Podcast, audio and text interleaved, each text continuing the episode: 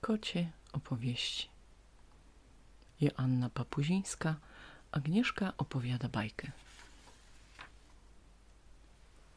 Kiedy mama wróciła z pracy i zjadła obiad, Agnieszka usiadła jej na kolanach i zapytała Czy chcesz, mamo, posłuchać nowoczesnej bajki o kotku?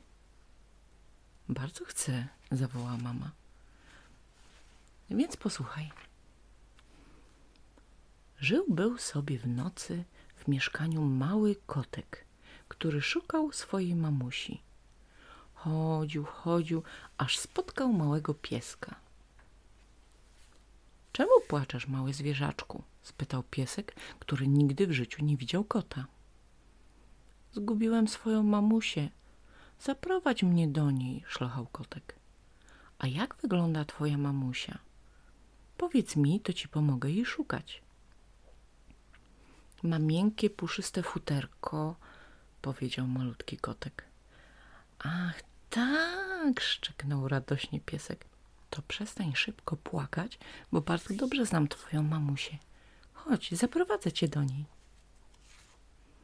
I pobiegli razem do pokoju. Tam leżał przed łóżkiem futrzany dywanik. Wiesz, taki jak mój. Masz tu swoją mamusię i nie becz, powiedział z dumą piesek ale kotek zamiast się ucieszyć, zapłakał jeszcze głośniej. To nie jest moja mamusia, to futrzany dywanik przed łóżkiem. Zaprowadź mnie do prawdziwej mamusi.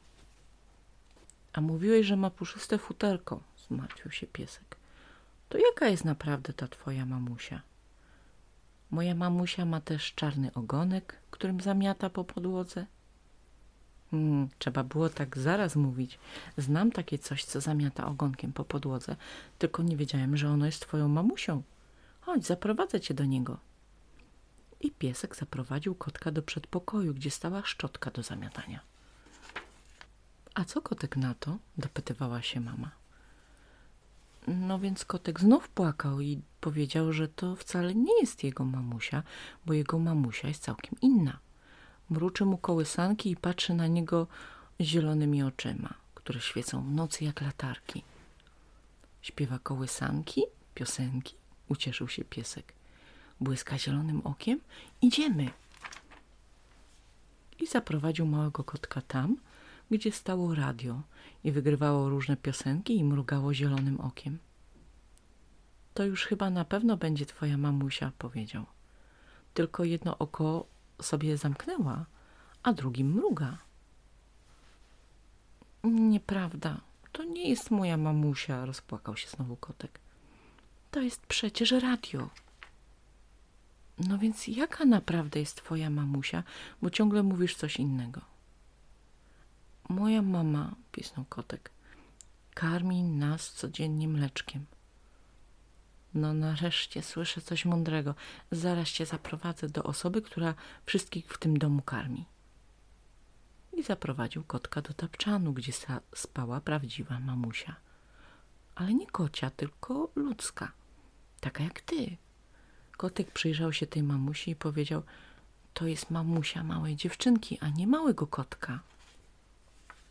I znów chciał płakać, ale ta prawdziwa mamusia, taka jak ty, usłyszała przez sen, jak kotek i piesek rozmawiają i obudziła się.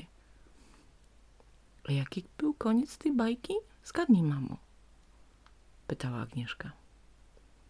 Chyba, powiedziała mama, chyba ta prawdziwa mama jakoś się zaopiekowała małym kotkiem, tak?